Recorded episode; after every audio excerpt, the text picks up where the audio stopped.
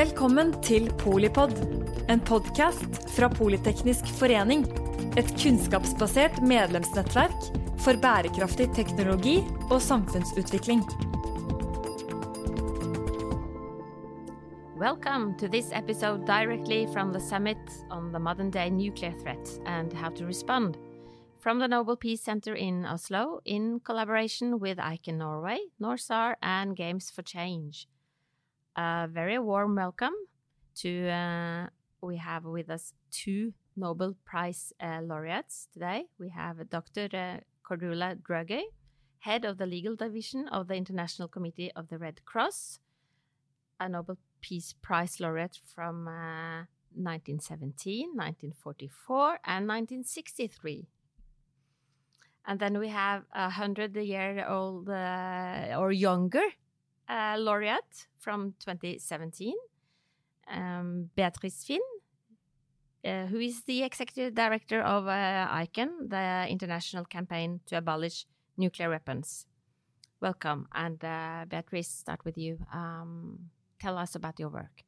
Well, thank you very much for having me. Um, yeah, so I'm the executive director of the International Campaign to Abolish Nuclear Weapons, ICAN, uh, which is a global campaign coalition of over 600 organizations, 600 NGOs uh, from around, I think, 108 countries right now. So, really, a, a broad movement of really diverse actors.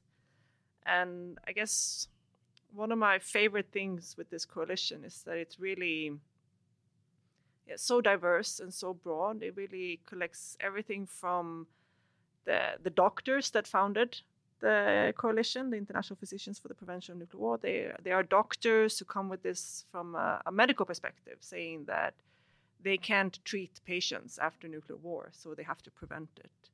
Uh, we have a lot of lawyers, for example, who are making legal arguments based on IHL, international humanitarian law.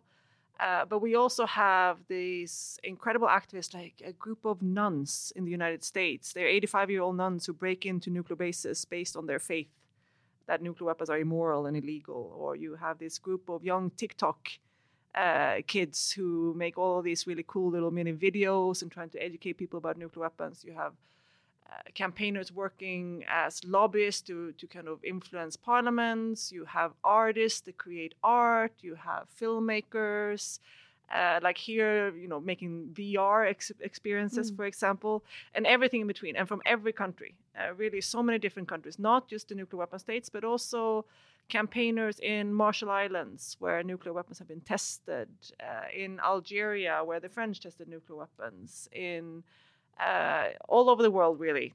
Sort of Even gather. Norway. Even mm-hmm. Norway. We're very strong here in Norway. Lots of partners in ICAN Norway. So I, I just, it's like a really incredible sort of dynamic in the campaign where so many different people using whatever skills and whatever audience they have to push forward the issue of banning and prohibiting nuclear weapons. Mm. You're not uh, less uh, international uh, yourself. Thank you, Mette, and, and, and thank you for, for having me here. It's it's really an honor to be at the at the Peace Institute. Um, yes, the International Committee of the Red Cross is a, um, originally a Swiss organization founded in 1863, but of course now works in um, you know some hundred countries around the world in many armed conflicts, um, and as a humanitarian organization what it does, it, it works, if you will, at two level. On the one hand, it works um, at the ground level, you know, trying to be as close as possible to people affected by armed conflicts and other situations of violence around the world, uh, in armed conflict situations, in violent situations. And at the same time, it works um, for upholding international humanitarian law. So we're talking about the Geneva Conventions that the ICRC proposed at the end of the 19th century and that are now in their form of 1949 and additional protocols of 1977, but also a range of weapons treaties. And perhaps because that's the subject of what we're talking about today, just to explain a bit where the ICRC comes from when we um, when we approach weapons issues. And that's always, again, to witness when we witness the human, humanitarian consequences of weapons as they affect populations in armed conflict. the ICRC um, seeks to call the attention of stakeholders and states to those consequences and sometimes to ban or to restrict such weapons. And so, for instance, um, one of the examples was that in the First World War, the ICRC was, of course, a witness, like many others, to the use of chemical weapons. And then, from very early on, at the end of the First World War, called for a banning of such weapons. And over the years, the ICRC has called for the banning or restriction of a number of weapons that are um, unacceptable either because they don't comply with international humanitarian law, for instance, because they're indiscriminate, etc., or because we feel that they are unethical and cause superfluous injury and unnecessary suffering. And that's when we come also to nuclear weapons, where uh, in 1945, when the, drum, when the bombs were dropped on Hiroshima and Nagasaki, the Japanese Red Cross and the ICRC were on the ground a few days later and were witness to the absolute devastation, to the thousands upon thousands of dead, but also to the destruction of the entire infrastructure of these cities, and particularly also the medical infrastructures. And with the realization that such weapons cause unbelievable suffering, they cannot, in a city, discriminate between civilians and combatants or indeed anything else and there is no way to respond to them adequately. There is no organization that can actually respond to uh, nuclear weapons. And it ties into what uh, Bea was just saying about how um, you know doctors have approached this to say we cannot treat um, this, and what we cannot treat and what we cannot respond to, we must prohibit. And that's how the ICRC from 1945 on has called for a prohibition of nuclear weapons. And still, uh, we all agree in in uh, both uh, the summit and and uh, uh, nobody disagrees with uh, the fact that we cannot have any more nuclear bombs. Mm. still, um, there are enough bombs to sort of destroy ourselves and, and the planet several times. Mm. So uh, how is uh, is that uh, stop the bombing or, or ban the bomb uh, uh, campaign um, improving, or or how does it? How, how are the effects, mm. despite the fact that uh, there are a lot of bumps around? Well, we've had a um, a structure in the international system and also under international law where we kind of divided countries into two groups those that don't have nuclear weapons and these five that were sort of given a temporary exemption um, the the five nuclear weapon states the US UK France Russia and China and it kind of created it was like a temporary solution from the 70s that these five countries agreed to get rid of them eventually but with no timeline and i like to almost compare it sometimes a little bit with the almost like the Paris Agreement. Like, you know, they agreed to this big goal, but no specifics on how to do it. Um, and I, so, what we really identify and what the ICRC has called for, and what a lot of people have said over the decades, that there was missing a, a legal prohibition on these weapons. And that was what we worked on together in partnership with lots of governments, over 120 governments, international organizations like the UN were involved, the ICRC was involved, and civil society like ICAN worked to develop this new treaty, the Treaty on the Prohibition of Nuclear Weapons, that was adopted um, by the United Nations General Assembly in 2017. It entered into force in January 2021 and became international law then. And is really the starting point of this uh, movement to prohibit uh, delegitimize nuclear weapons and then, of course, in the end, eliminate them. Um, it's been very hard to fight nuclear weapons without a ban in place because we didn't make the decision in the international community that these weapons were actually unacceptable. They were given this sort of exemption before. And now, from 2021, we have this new treaty that's entered into force that now say these weapons are illegal, immoral, and inhumane, and based on the humanitarian consequences. And that's a starting point for this movement. Uh, and of course, these processes um, take a long time. Uh, like we saw, for example, with chemical weapons, they were used in uh, in World War One. The treaty banning and eliminating chemical weapons were developed in the 90s. I think you know almost 80 years later. Uh, so we're what is it now? 77 years since the Hiroshima and Nagasaki uh, bombings.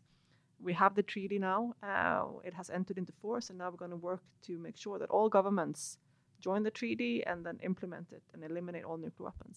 So these are, of course, very long processes. Um, but the fact that the treaty now exists is a massive step forward for the whole movement and really gives us a strong starting point to change people's and governments' perceptions of these weapons and turn them from this kind of legitimate weapon that some countries had to now an illegal weapon that we fight to get to get eliminated. I guess you both have uh, personal stamina, uh, and uh, your uh, organizations uh, do have so. Um, but is there something about uh, today's situation um, that makes these topics, maybe unfortunately, more timely?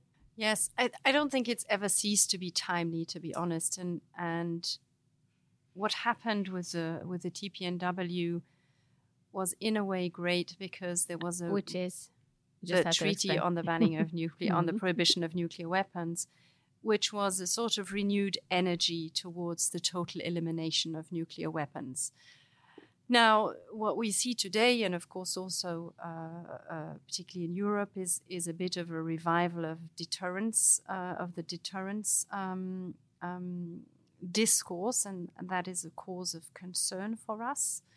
Um, and so, I think we need to sort of remind ourselves again about what it is we are looking at. And as Bea was saying, you know, the, the treaty on, on the uh, prohibition of nuclear weapons was this starting point for a total ban.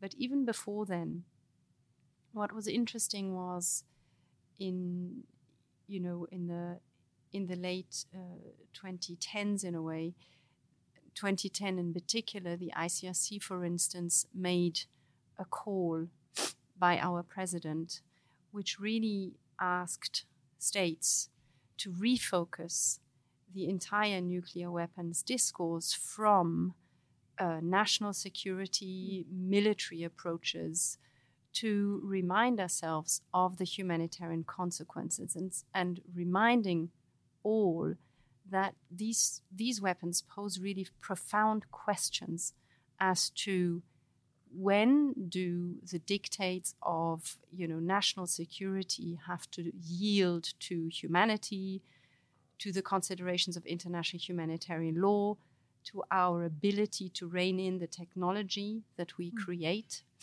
and ultimately to decide what the price of suffering is that we really want to accept mm.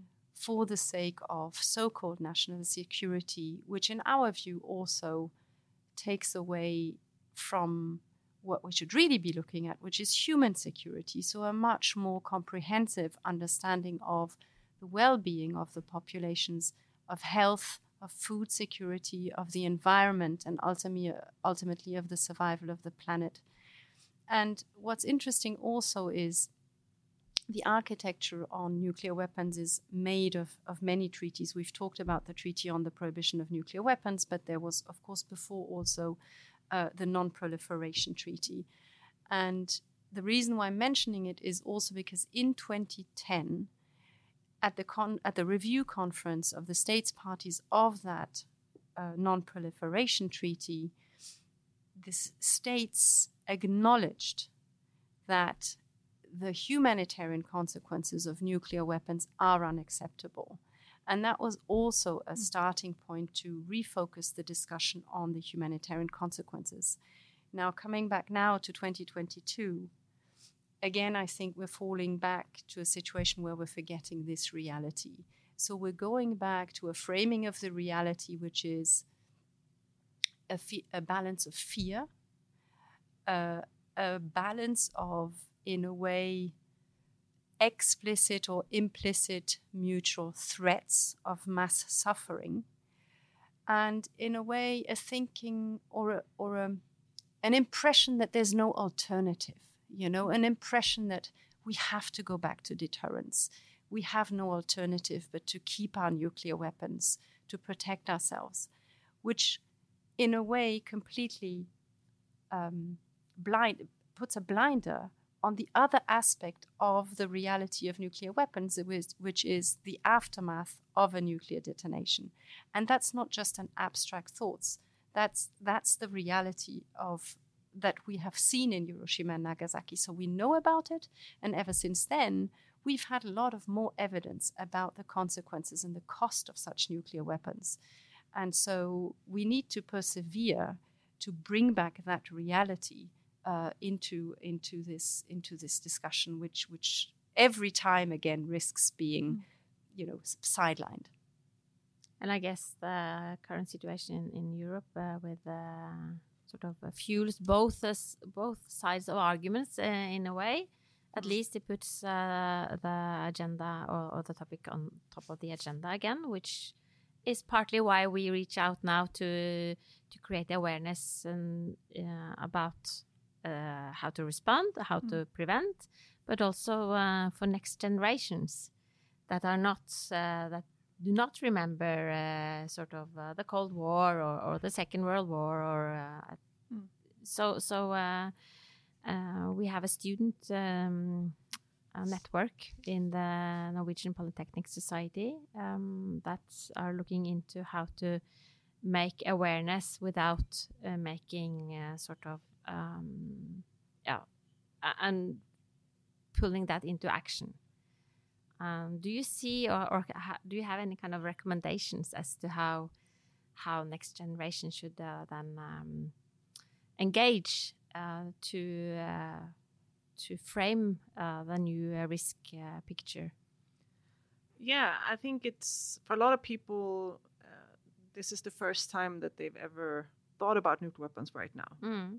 and being confronted with the mm. issue. A whole generation has almost passed since it was last, you know, in, in the 80s. Um, people who have grown up and are adults today who never experienced this. So I think it's an enormous sort of wake up call to a lot of people. And one of the things that I think is really important to remember is that this is a real weapon.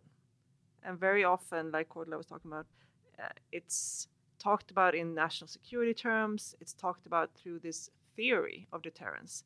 I think it's important to remember that nuclear deterrence is a theory. Uh, it's almost like an academic ex- thought experiment, and it's quite disconnected from reality.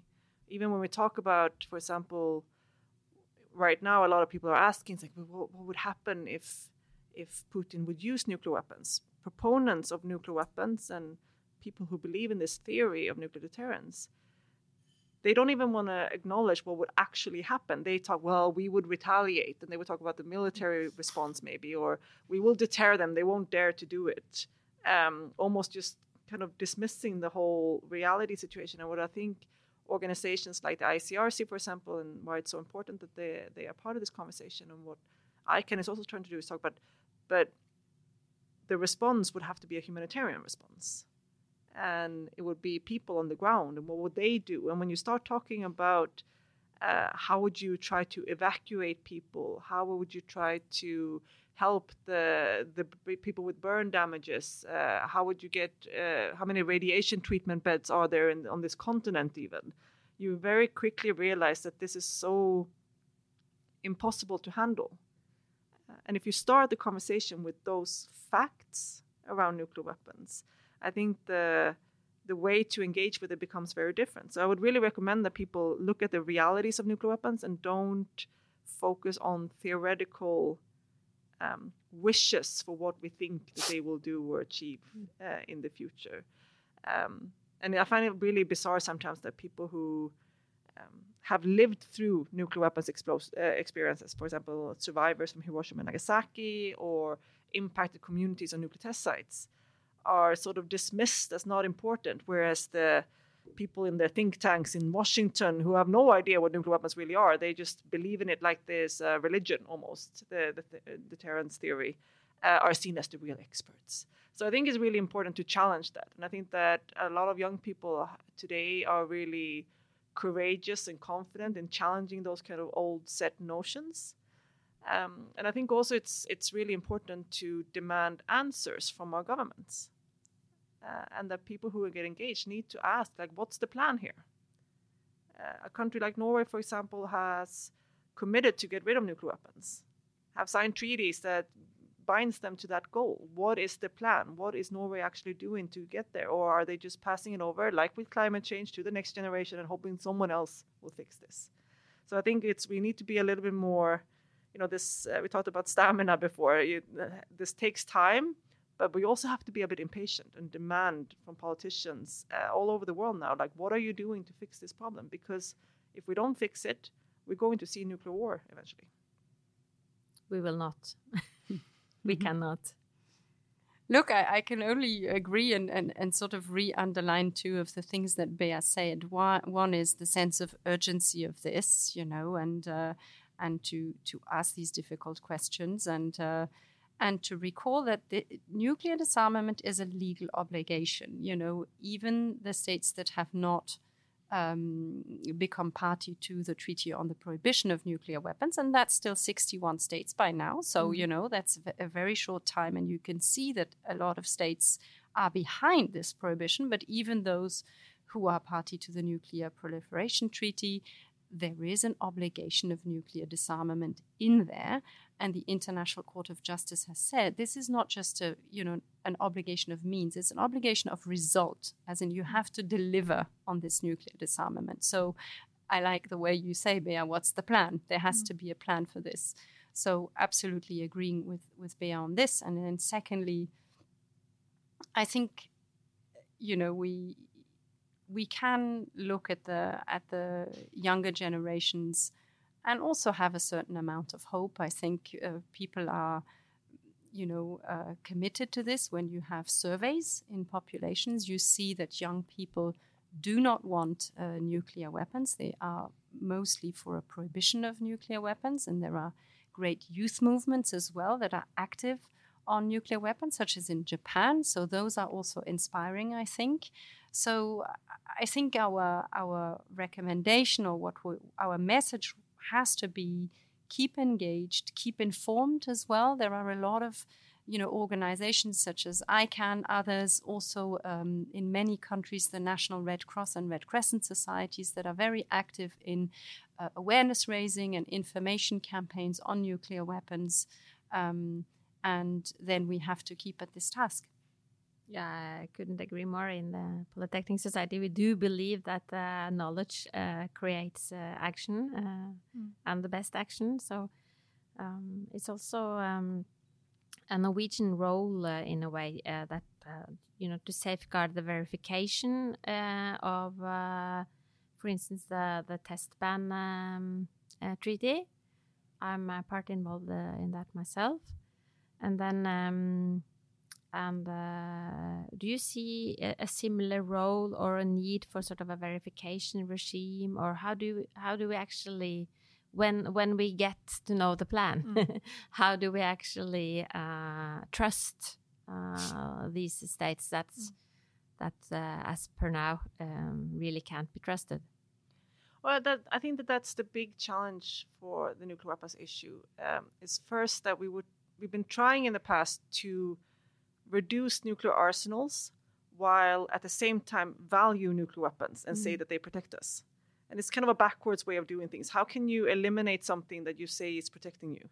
Why would you want to do that? So they've been trying to do both things at the same time, which to me also creates almost like an incentive to cheat mm. for countries. Mm. Uh, you have this like very prestigious nuclear weapons. If you have this, you're one of the most powerful countries in the world, and you're really you're untouchable. But also get rid of them like it's like a very weird kind of way of trying to create political progress. And what the, treat, the treaty on the prohibition of nuclear weapons is doing is saying, no, actually, this is unacceptable weapon.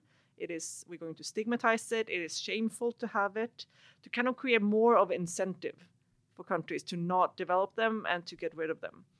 Uh, but of course, you still need verification um, of of these things. So once countries with nuclear weapons engage in this process, um, I, I, hear a lot of times it's going to be impossible, uh, and I think people haven't really thought about what has happened in the past. We have gotten rid of chemical weapons arsenals, landmines arsenals. You know, there are processes for getting rid of, of weapons. And we actually have gotten rid of a lot of nuclear weapons, the majority of them. At the height of the Cold War, I think we had around 70,000 nuclear warheads. It's down to 13,000. A massive dismantlement. And a lot of that was done also through verification between the US and then Soviet, and then after Soviet, uh, Russia, of course. So there are a lot of technology there. Uh, and I think that the technology, you know, we have things like the test ban treaty that verifies that no nuclear detonations are taking place. They have easily picked up when North Korea has tested, which has mm. been the only country that has tested in, mm. in the last 20 years, 30 years, or something like that. Uh, and that's a good sign. Uh, it means that that really this there is a norm there that you don't do that. So we know we can detect testing. Uh, we know that we can verify nuclear disarmament, and I think that there's also a massive sort of development right now of a wide range of verification mechanisms. We've seen, for example, how satellite surveillance and this, um, you know, also team of amateurs sometimes, uh, and uh, universities and academics who are using like satellite images to kind of see what nuclear missile silos are being developed in China, for example. They were also the ones who saw what happened that the Russian troops were moving towards the Ukrainian border, for example. Mm. So I think that we can develop a lot of these mechanisms for being quite confident. Um, we also have the, uh, the IAEA, the International Atomic Energy Agency, that is uh, very good at verifying that countries without nuclear weapons don't develop nuclear weapons. So we know that these technologies they exist, they work, we can put it together. What is really the challenge here is that the countries don't want to get rid of them yet, mm. and that is really what we need to focus on. So I think that the technology is not going to drive the political will, but it, the technology is going to be needed when the political will appears. So we have to work on both the political will and pushing these countries to disarm, and then come in with the technology and the verification to make sure that that, that keeps. You are uh, both um, uh, on stage at the summit today. Uh, you bring a lot of uh, competence and uh, enthusiasm from your organizations. Uh, you will um, you're here in in some kind of partnership in what we love to call the the peace community. We have a strong uh, sort of mental uh, faith into into uh, the the idea of of that we are all into this together, especially when it it's about nuclear weapons. Any reflections uh, coming into Oslo, uh, into the summit, uh, seeing the the sort of other participants? Anything uh, uh, you would like to sort of, uh, if we can end this on a, a slightly positive note regarding priorities and and going forward? Yes, I, I, think we are on a positive note, even though that might sound uh, odd in, in, in, you know, in the moment that we're living. But, you know, this year, for instance, we have the first meeting of states parties of the uh, Treaty on the Prohibition of Nuclear Weapons in Vienna in a couple of weeks. Uh, and so I think that's, you know, a first milestone in this, in this new treaty. Um, we also have Austria that hosts uh, this first meeting of states parties that is going to host a first day on um, the humanitarian impact and the humanitarian consequences of these nuclear weapons. So really, I think doing the right thing to set the scene and put the you know um, put the main issue again squarely within uh, within the center of these of these discussions. So we're looking forward to that. And I think uh, states can already work at this first meeting of states parties to set up the structures uh, for these treaties, uh, the competent authority that will uh, be charged with uh, carrying out the tasks given to it by the treaties, first deadlines on, you know, the elimination from host state territory, um, setting up structures to, um, you know, gather data, evidence, scientific research, and as you said again, knowledge is is essential in this. And so I think that's you know that is that will be a step forward. We will also have the nuclear proliferation treaty review conference in August of this year, and we're really hoping as well that there will be some positive outcomes coming from there, and in particular, urgently needed risk reduction measures um, that states have to take. Uh, in terms of, um, you know, um, taking their nuclear weapons off high alert, reducing, uh, you know, the importance of nuclear weapons in their military strategies. And again, going to what Bea was saying, being a bit coherent here about what we actually mean when we take the goal, the ultimate goal of nuclear disarmament seriously. Um, and again, uh, as we said before, I think we can count, uh, we, we have to count on, on uh, youth to, uh, to carry this forward as well. So I think that is always, you know, a message of hope for, for all of us. Mm.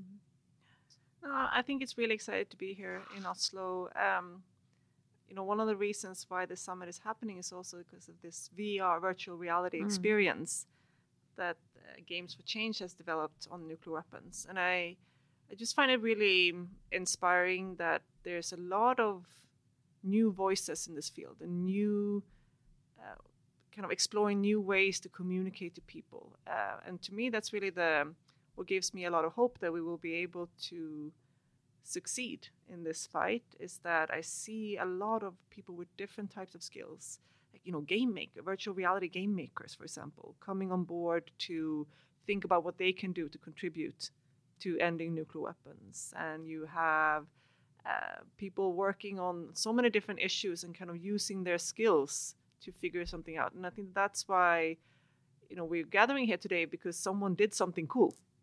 Uh, and sometimes people, when they want to get engaged in this, they kind of think that they have to um, do something very activisty type, something very different that they have to change in order to start working on this. But I really like to think that people can do whatever they already are doing and just use that to further nuclear disarmament. And that really can make a big difference. So, this idea that a few people had about a virtual reality experience based on uh, the false alarm in Hawaii, where all Hawaii residents in 2018 got a message of an incoming ballistic missile uh, and were terrified. Uh, and how that developed to this big project that now has this big summit with lots of people coming from all over the world to talk about this uh, you know, it, it's it it that kind of thing, like you know, how just small ideas can kind of spark into something bigger, um, and it's what makes me feel really excited to be here. Um, and if people have time, I think that this exhibition will be on for a while, and people can come here to the Nobel uh, Peace Center and, and watch it as well, and see what how it's an experience, how it feels like to get a message that an incoming missile is on its way. Uh, it's something that people, you know, it, it's a very powerful and strong experience. Uh, hopefully, it will uh, sort of mix uh, facts and uh, feelings, mm. exactly. so that uh, so that uh, this global, a little bit untouchable or out of my reach nuclear threat is actually something that is about me and and my life, mm. my everyday life. So uh, I like the phrase that the peace is cool. So yeah, I'll take that on. Uh, Thank you so much, uh, both of you. You represent four uh, Nobel Peace Prizes, uh, three to the ICRC and one to the ICAN. Yet, so far, so far, and so far for the ICRC, yeah, maybe there's yeah. more there too. Uh, and uh, I would uh, like to thank both of you, Dr. Cordula Droege the head of the legal division of the, the International Committee of the Red Cross, the ICRC. Um, and uh, you, Beatrice Fihn, the executive director of uh, the International Campaign to Abolish Nuclear Weapons, the ICAN. Thank you. Thank you very much. And then, uh, of course, uh, I would like to thank uh, you that listen to this uh, podcast because this is what we, how we try to to make some awareness and and uh, and engage you into action to keep the the sort of peace worldwide and and uh, I would say also peace in in our uh, everyday life in Norway and uh, and the rest of the world. Thank you so much. Takk for at du lyttet til Polipod fra Politeknisk forening. Få med deg flere episoder, eller bli med på nettverksmøtene som du finner på at polyteknisk.